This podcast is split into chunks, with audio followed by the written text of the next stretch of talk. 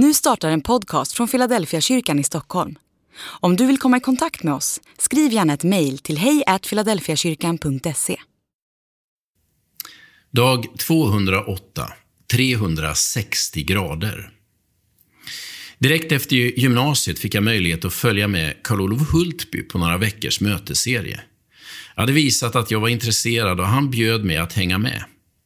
Karl-Olof Hultby var pastor i Svenska Missionsförbundet och arbetade som distriktsevangelist i Mälardalens distrikt.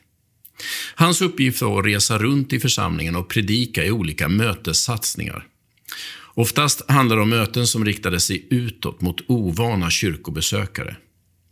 Under sommaren då jag reste med honom handlade det om tältmöten, båtmöten och tältmöten igen. Att jag fick resa med Karl-Olof Hultby formade mig för resten av mitt liv. Inte på grund av platserna vi besökte eller lokalerna vi hade gudstjänst i, utan därför att jag fick leva med honom under några intensiva veckor.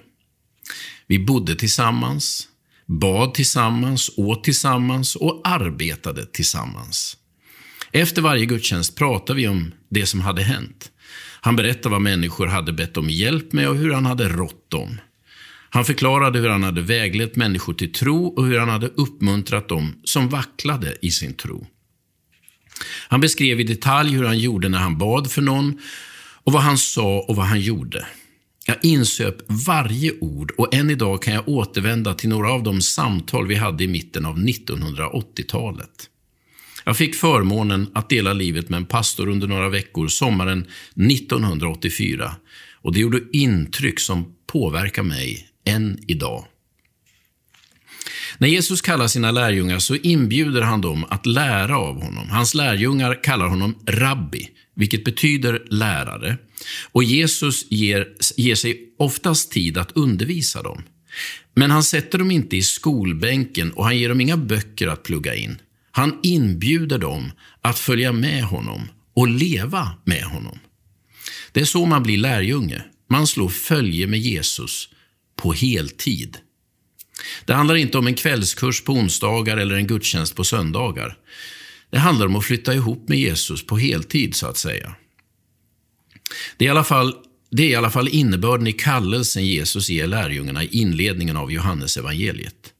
Det är därför vi vet så mycket om Jesus när det gäller det som vi i vår del av världen kallar privatliv. Vi vet när han drog sig undan för att be en hel natt. Vi vet när han blev arg, upprörd, glad eller upprymd. Vi vet när han grät. Vi vet vad han åt och vi vet när han sov. Det var lärjungarna som följde honom, som såg vad han gjorde och som har berättat det för oss. Lärjungarna då, liksom lärjungarna nu, är människor som har blivit privata med Jesus.